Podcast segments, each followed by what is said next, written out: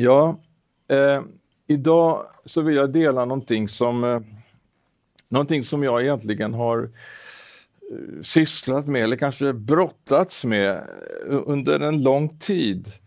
Eh, och det är just detta hur, liksom, hur församlingen ska förhålla sig i tiden, vad, vad eh, liksom församlingen i förhållande till den samtida kulturen och på vilket sätt ska vi liksom vara med? Hur ska vi liksom kunna presentera evangelium och Kristus i en kultur som är så oerhört eh, eh sekulär och, och gudsfrånvänd. Och jag vill ha som utgångspunkt eh, ett eh, ord som eh, Paulus skriver till Timoteus i första Timoteus 3 och 15 så säger han så här att jag vill att du ska veta hur man ska bete sig i Guds hus som är den levande Gudens församling, sanningens pelare och grundfäste. Eller grundval står det i, i, i den nya översättningen. Eh, sanningens pelare och grundval. Ja, det låter ju som någonting alldeles oerhört egentligen eftersom vi, vi lever i en värld, Jesus säger att denna tidsålders Gud, han kallar honom för lögnaren. Han är lögnens första. Och där står alltså vi som Guds församling, vi representerar ett helt annat rike, inte världen utan Guds rike. Vi har en annan kung, vi har Jesus Kristus, han är vår Herre. Så att eh, det, det eh, måste ju innebära att det blir väldigt starka kontraster mellan å ena sidan det som är Guds församling och det som då så att säga är, är världen. Och församlingen, alltså sanningens pelare och grundval.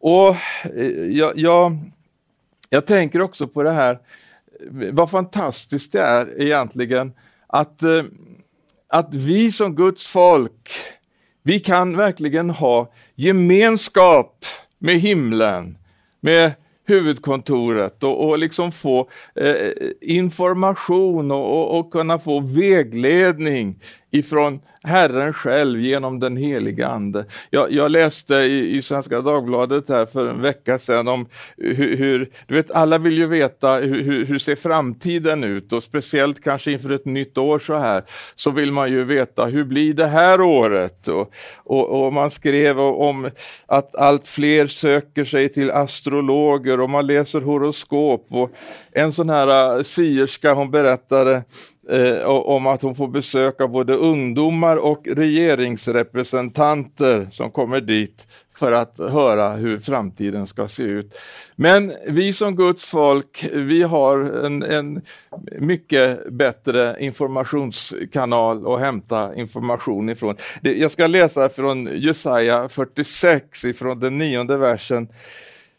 Det finns ingen annan Gud ingen som jag, säger Herren. Jag förkunnar från början vad som ska komma och långt i förväg det som inte har skett. Jag säger, mitt beslut ska förverkligas. Allt jag vill kommer jag att göra. Och så i den trettonde versen, hör på mig ni självsäkra, ni som är fjärran från rättfärdighet. Jag låter min rättfärdighet komma nära. Den är inte långt borta. Min frälsning dröjer inte. Jag ger frälsning i Sion, min härlighet åt Israel. Och eh, jag läser in församlingen här. Jag ger min frälsning i församlingen.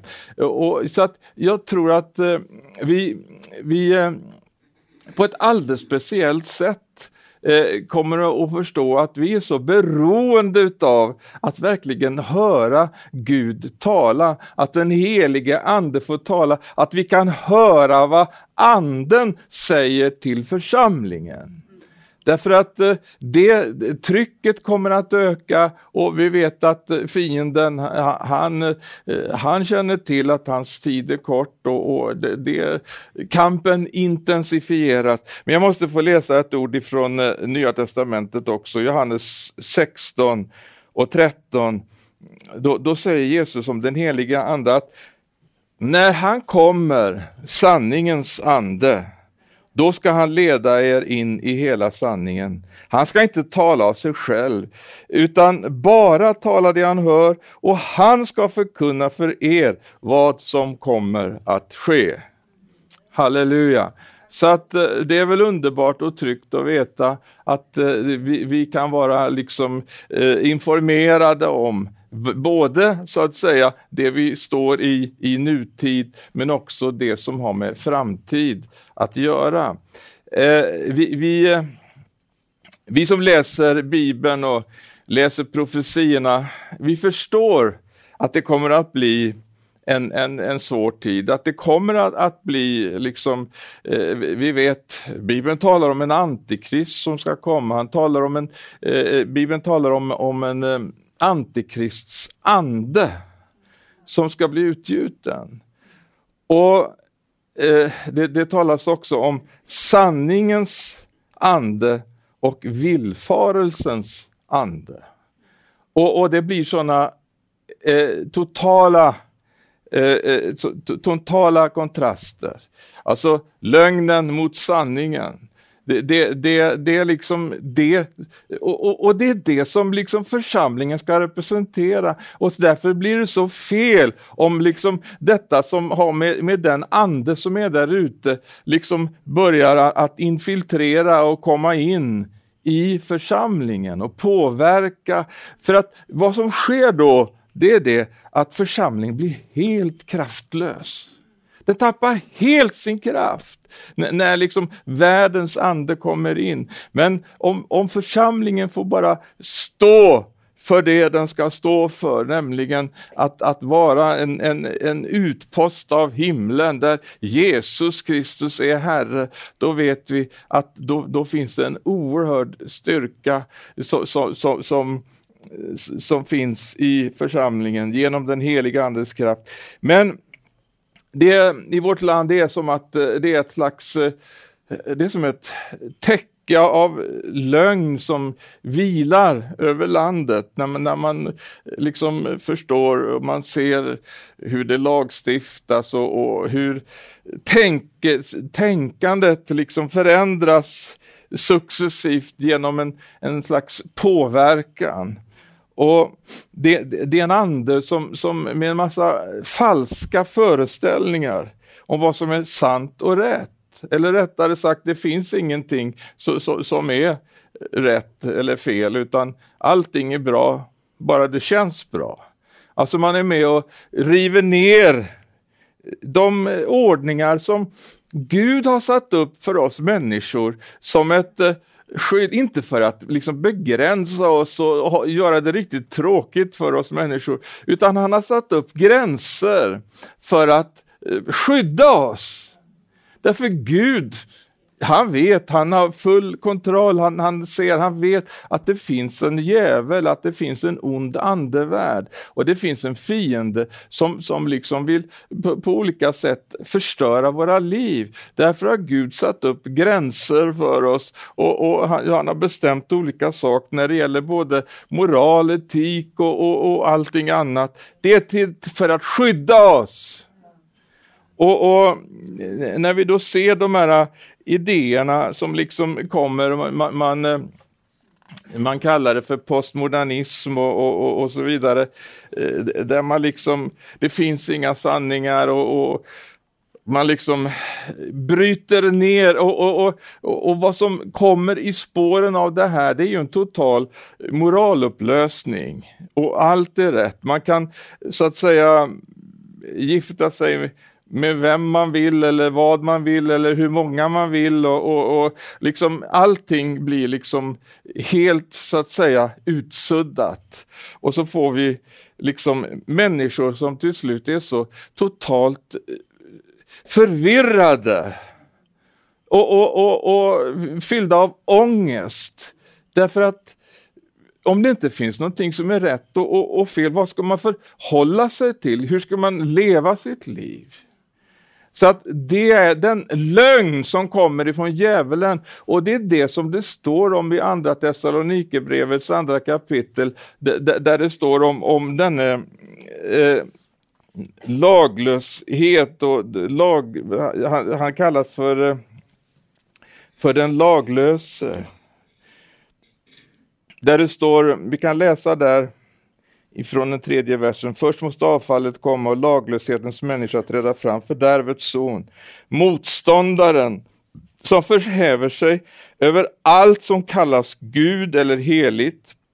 Så han sätter sig i Guds tempel. Alltså jag tror här att det handlar om, när det står tempel här så tror jag att han sätter sig, alltså det, det, det, när Paulus talar på andra ställen om, om tempel så talar han om församlingen och jag tror att eh, det kommer att gå så långt att eh, denna antikrist, han kommer så att säga så totalt infiltrera en kristen religion. Och han kommer med en godhet där han liksom bjuder över Gud på något sätt. Precis som, som han gjorde i lustgården. Gud hade skapat liksom allting, han tittade ut över sin skapelse, han såg att allting var gott. Och allt det där hade Gud liksom berett för människan. Allt, allt det här och att människan då skulle liksom eh, ta hand om och vårda detta. Men så kommer då ormen, för, för Gud hade sagt att det var ett träd som de inte skulle äta utav. För det skulle få väldigt dåliga konsekvenser. Men då kommer den här äh, ormen, djävulen, och så får han Adam och Eva att fokusera på det träd som Gud hade sagt att det skulle de inte äta utav. Där stod allt detta andra goda, underbara som Gud hade skapat för människan.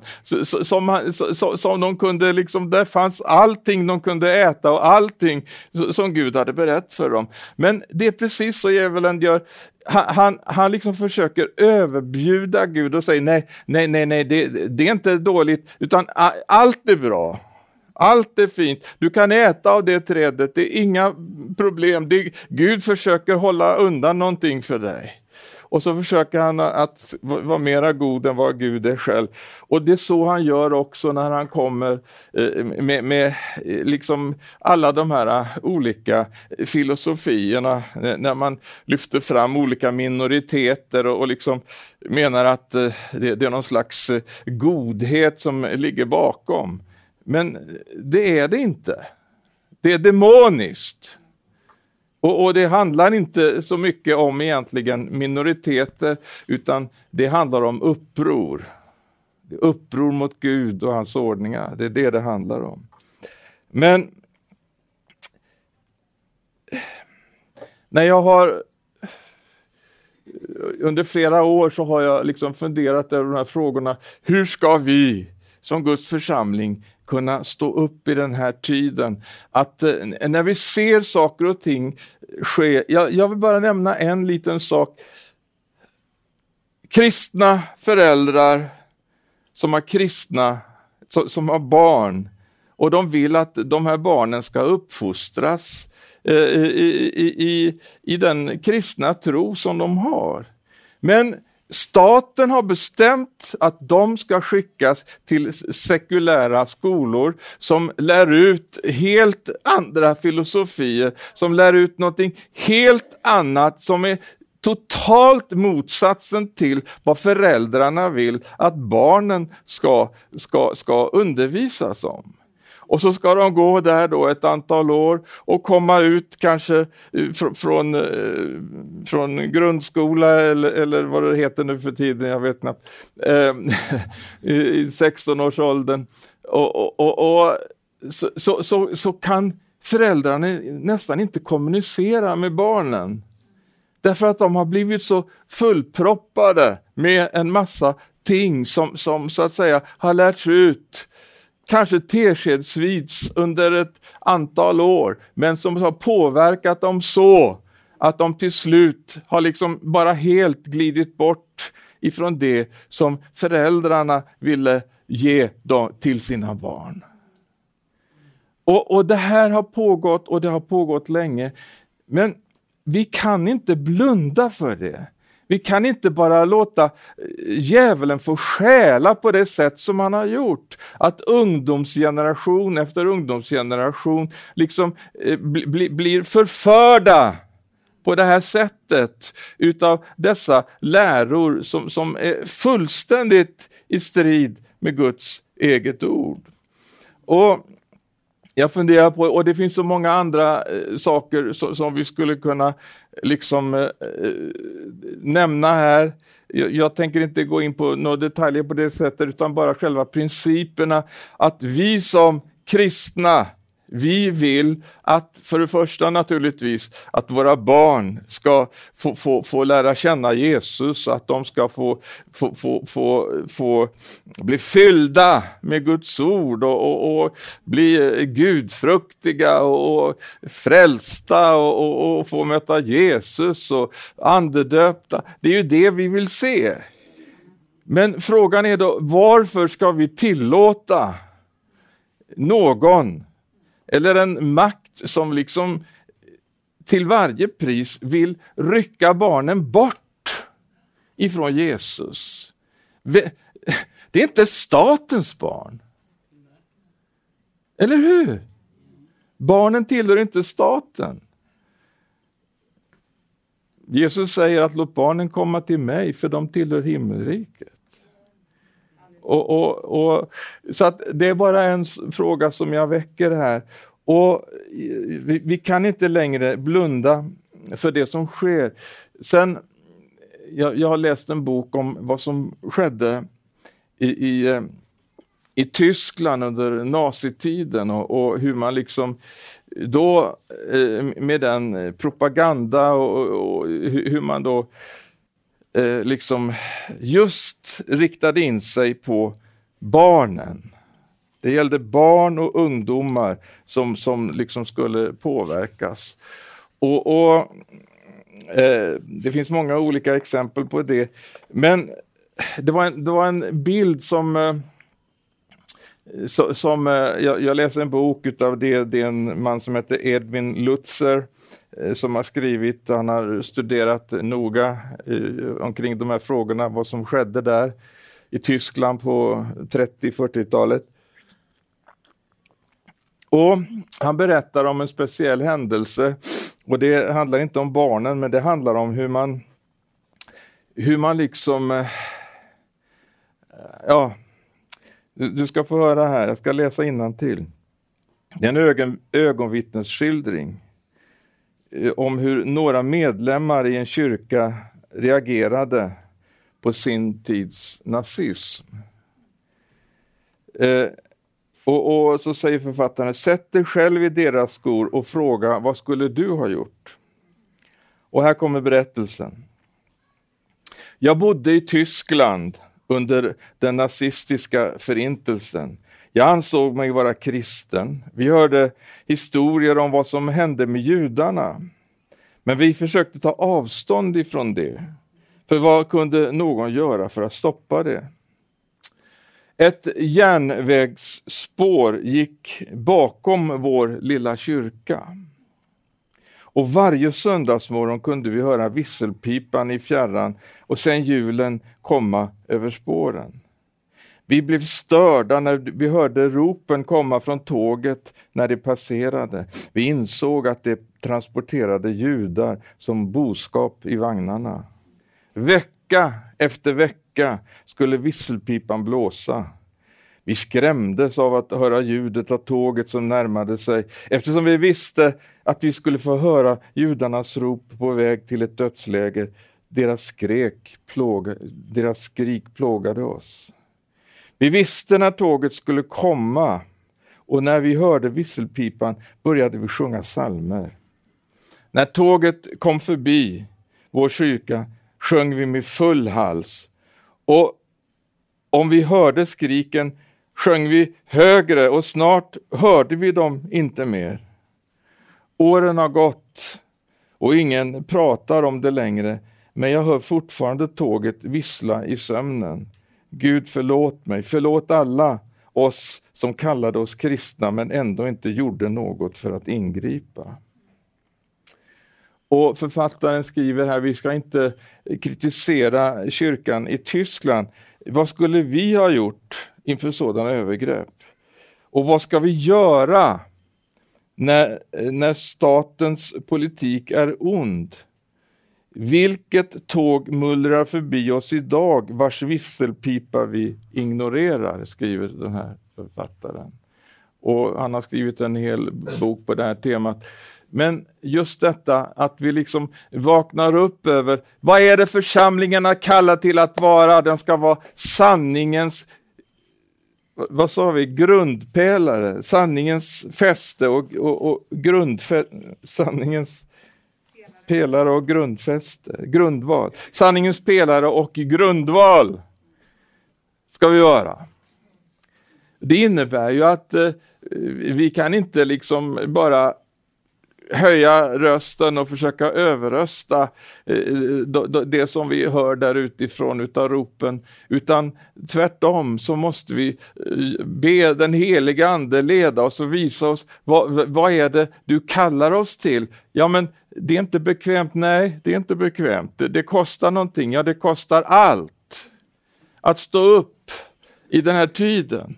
Men Herren kallar oss som sitt folk. Vi är Guds församling. Jag ska bygga min församling, säger Jesus, och helvetets portar ska inte bli den övermäktig. Vi har en kallelse och det står när vi läser om den laglöse där i andra Timoteus eh, 2, nej inte Timoteus, Thessalonikerna 2, eh, så, så, så, som vi citerade alldeles nyss, så står det där att det är någonting som står emot. Ja. Det som står emot. Och det tror jag är församlingen. Det är du och jag. Och på vilket sätt står du och jag emot idag?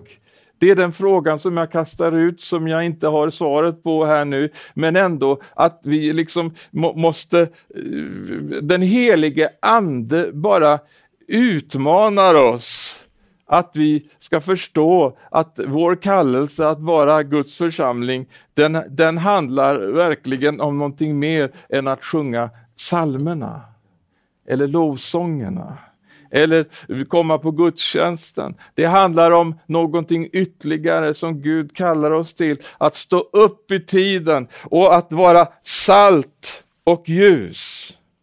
Vi är kallade till att vara salt och ljus, eller hur? Det säger Jesus. Ett salt, halleluja, som står emot förruttnelsen. Och eh, det står i, i uh, Matteus, jag läser det innan till 5 och 13. Ni är jordens salt. Men om saltet förlorar sin sälta, hur ska man då få det salt igen? Det duger inte till annat än att kastas ut och trampas ner av människorna. Ni är världens ljus, en stad som ligger på ett berg kan inte döljas. Och man, och man tänder inte ett ljus och sätter det under skepp lampan, utan man sätter det på hållaren så att det lyser för alla i huset. På samma sätt ska ert ljus lysa för människorna så att de ser era goda gärningar och prisar er far i himmelen. Halleluja! Det är vår kallelse. Eh, jag vill läsa från Jesaja 60 också, eh, som ju faktiskt är, ett budskap till oss som Guds folk. Jesaja 61. Stå upp. Ja, ni behöver inte stå nu, men stå upp, stråla, för ditt ljus kommer och Herrens härlighet går upp över dig. Se, mörker ska täcka jorden och töcken folken, men över dig ska Herren gå upp, hans härlighet ska uppenbaras för dig. Hedna folk ska vandra i ditt ljus och kungar i glansen som går upp över dig. Lyft din blick och se dig omkring. Alla samlas och kommer till dig. Dina söner kommer från fjärrar, dina döttrar bärs fram på armen.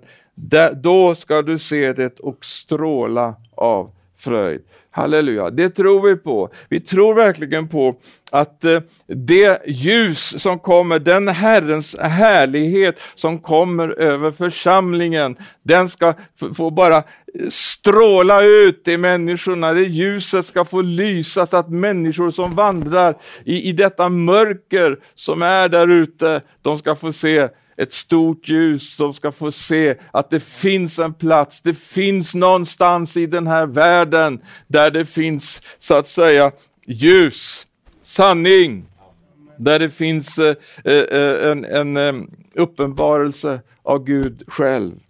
Halleluja. Halleluja. Eh, eh, Petrus han, han varnar för att vi liksom inte ska, ska eh, bli, bli eh, påverkade utav den laglöshetens ande som finns i världen. Utan att vi ska stå fasta och stå emot och, och, och, det är så viktigt nu och, och, och, det kan inte eh, nog sägas och påpekas detta att vi, vi den propaganda som vi möter och det som hela tiden sköljs över oss. Det, det, är så lätt att det påverkar oss och, och, vi tycker därför att det förs fram på ett sådant sätt som att det skulle liksom vara eh, omsorg om, om, eh, om oss som eh, en slags, eh, det handlar om frihet, det handlar om en massa olika positiva eh, ting som, som vi utlovas. Men det är ingenting annat än en enda stor lögn, lögn och bluff från helvetet. Därför att det, djävulen, han är alltigenom ond. Och, och Jesus säger om honom att sanningen finns inte i honom. Han är lögnens fader. Så allt det han liksom eh, har i, i, i sitt bagage, det, det ska vi verkligen vara eh, väldigt, väldigt eh, uppmärksamma på och förstå att det är inte gudomligt utan det, det är en satanisk godhet som egentligen är bara en ren ondska. Gud han sände sin son Jesus Kristus hit till den här jorden. Han sände honom hit därför att han skulle bli Guds offerlamm som offrades för våra synders skull. Han kom hit för att bära synden i sin kropp, för att eh, göra oss fria, för att frälsa oss, för att rädda oss. Han har visat genom sitt eh, eget liv, att han dog för oss medan vi ännu var syndare. Han har visat vad, vad kärlek är. Han har, har, har dött för oss, halleluja, det har inte djävulen gjort. Nej. Han är en lögnare. Men Jesus han dog för oss. Halleluja! Och han har tagit vår synd, han har tagit itu med vårt problem i grunden. Halleluja! Och, och, därför så när han talar till oss och även när han talar strängt till oss så vet vi att det är av kärlek. Förmaningens ändamål är kärlek. Och, och, och, Det är därför det står också så när, när Paulus talar till sin andlige son Timoteus så är det just det som det handlar om i andra Timoteus 4 så säger han så här att eh, i andra 4.2 predika ordet, träd fram i tid och otid, tillrättavisa, varna, förmana med all tålamod och all undervisning. För det ska komma en tid då människor inte längre står ut med den sunda läran utan samlar åt sig mängder av lärare efter sina egna begär så som det kliar i deras öron. De vägrar att lyssna till sanningen och vänder sig till myter. Så du, var sund och förnuftig på alla sätt. Bär ditt lidande, utför en evangelists gärning och fullgör din tjänst. Halleluja! Så att när vi predikar evangelium, halleluja, då är det frälsning och befrielse. Då handlar det inte bara om, om så att säga, att eh, som no någon säger att eh, du kan bara lägga till Jesus i ditt liv. Eller du, du bara, eh, ja du vet, eh, man, man slipar ner trösklarna sådär så att det, det, det är bara det är stort sett bara gå ut och in hur, hur som helst. Men så är det ju inte. Utan när vi predikar evangelium så handlar det om att omvända sig. Omvänd er! Och just detta med omvändelsen, det är så viktigt för att om vi kommer ifrån en värld där vi vet, där finns de här ideologierna och filosofierna där ute, då handlar det liksom inte bara eh, eh om så här eh, lite lätt att nu går jag i kyrkan och, och nu sjunger jag lovsånger och, och, så vidare, utan det handlar om eh, jag tycker att det är ganska bra eh, tänkt i den översättning som, eh, som är på gång utav eh, Svenska Bibelsällskapet som ska komma år 2026. Eh, där har man i, i Markus i det första kapitlet så, så säger Jesus omvänd er och tro evangelium. Men eh, där har man skrivit förändra ert tänkesätt och tro evangelium. För att det är egentligen det det handlar om, att omvändelse, det är att få ett nytt tänkesätt. Så att eh, när vi kommer till Jesus och blir frälsta, ja då handlar det om att bara sköljas rent fullständigt. En fullständig tvätt, inte, inte hjärntvätt men nästan. Eh, det handlar om att tvättas ren ifrån det som världen representerar och det tänkesätt som finns där ute. Och, och det, det, det, är så härligt för att vi har ju faktiskt fått redskap för det här. Att kunna eh, vara med och, och, utföra det här jobbet, att vara med och, och bryta ner de här eh, tankebyggnaderna. Det, det, står ju faktiskt om det i, eh, i andra Korinthierbrevets tionde kapitel eh, i den tredje versen att för även om vi lever i världen så strider vi inte på världens sätt. Vapnen vi strider med är inte kötsliga utan har kraft från Gud att bryta ner fästen. Ja, vi bryter ner tankebyggnader. Halleluja, vi bryter ner tankebyggnader. Det är precis det som behövs i vår tid. Vi behöver bryta ner tankebyggnader.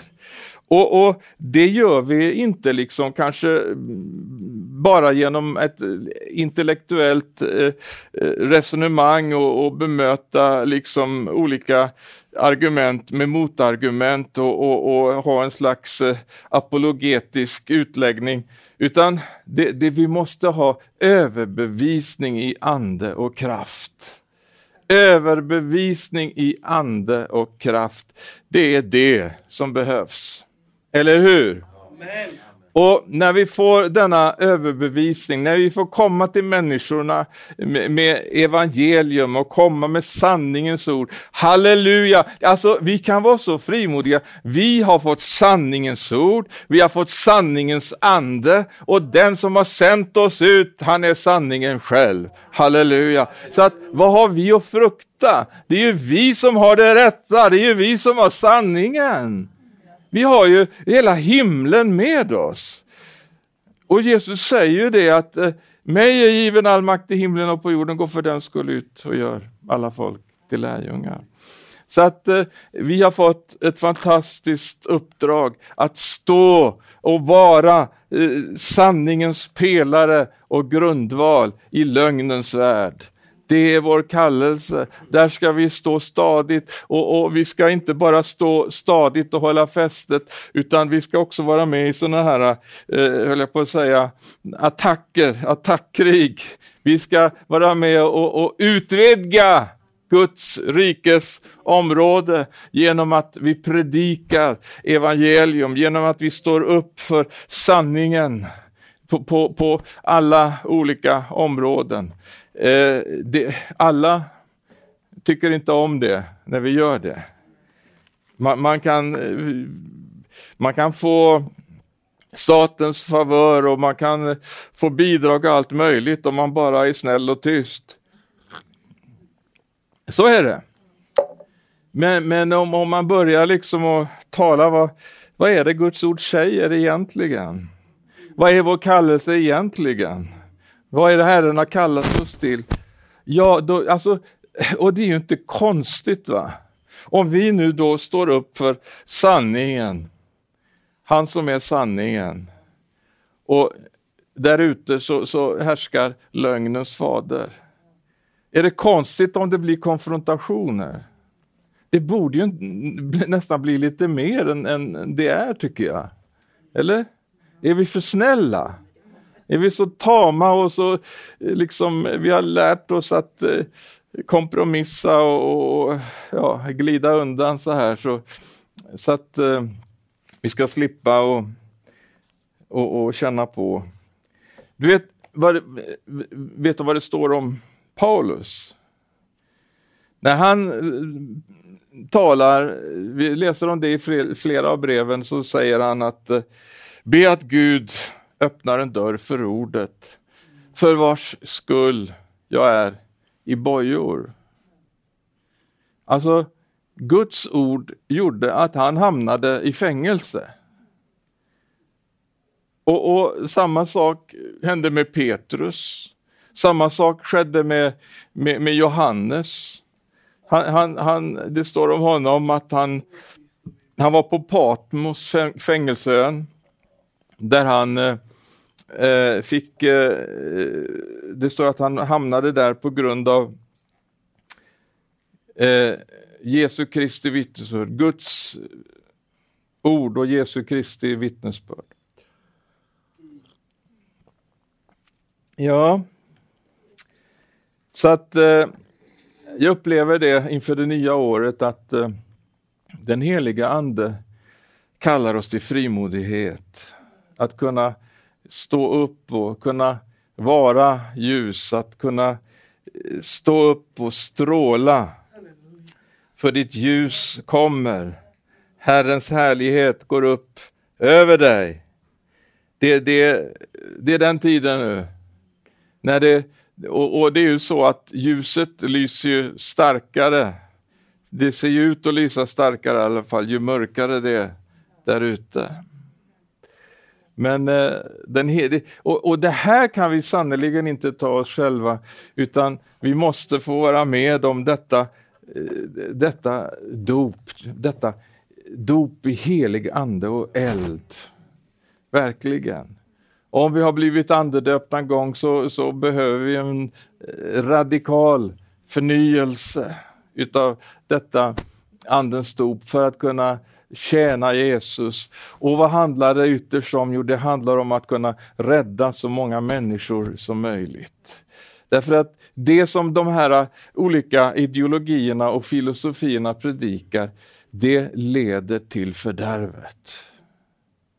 Det är inte bara att man eh, liksom eh, lever ett eh, speciellt liv och, och kan, kan göra det, utan det handlar om konsekvenser. En dag ska vi alla stå fram inför Gud och vi ska möta honom. Därför är det så viktigt att vi verkligen inte låter bli att varna, att vi inte låter bli att och, och tala ut utan att vi verkligen är frimodiga. Och, och så, Som Paulus säger, predika ordet i tid och otid. Alltså när det är säsong, när det inte är säsong. När man vill höra, när man inte vill höra. Men vi fortsätter. Till och med om lokalen är tom så fortsätter vi. Nej, men vi, vi, vi, vi, vi fortsätter och bara predikar och predikar och predikar. Därför Guds ord är Guds ord. Det är Gud som har skapat himmel och jord. Det är hans ord. Och, och det, det, är han som står bakom sitt, hans, sitt ord. Och, och det står att eh, ordet, Guds ord, det är levande, kraftigt, verksamt. Det åtskiljer själ och ande, märg och ben och en domare över hjärtats uppsåt och tankar. Och det är just det vi behöver utsätta oss för, att Guds ord får döma oss så att vi så att säga förstår hur vi behöver omvända oss. Guds ord ska döma oss, det är inte vi som ska döma ordet. Det är inte vi som ska liksom, eh, tala om vad som är rätt och fel.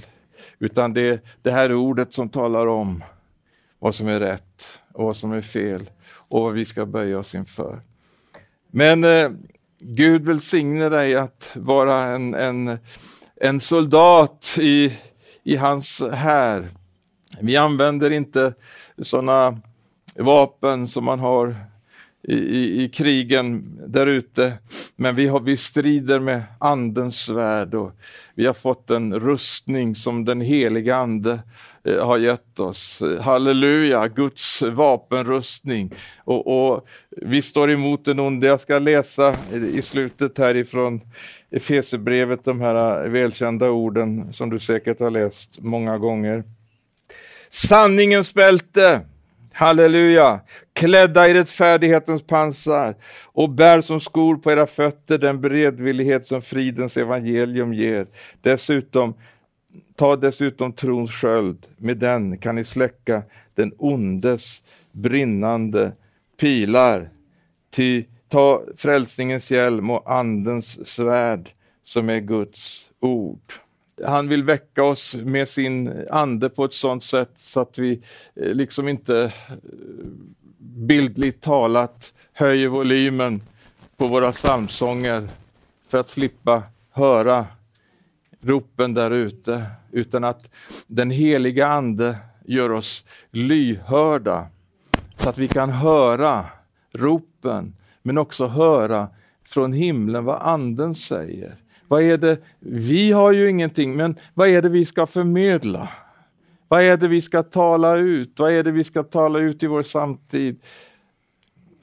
Gud ger oss orden.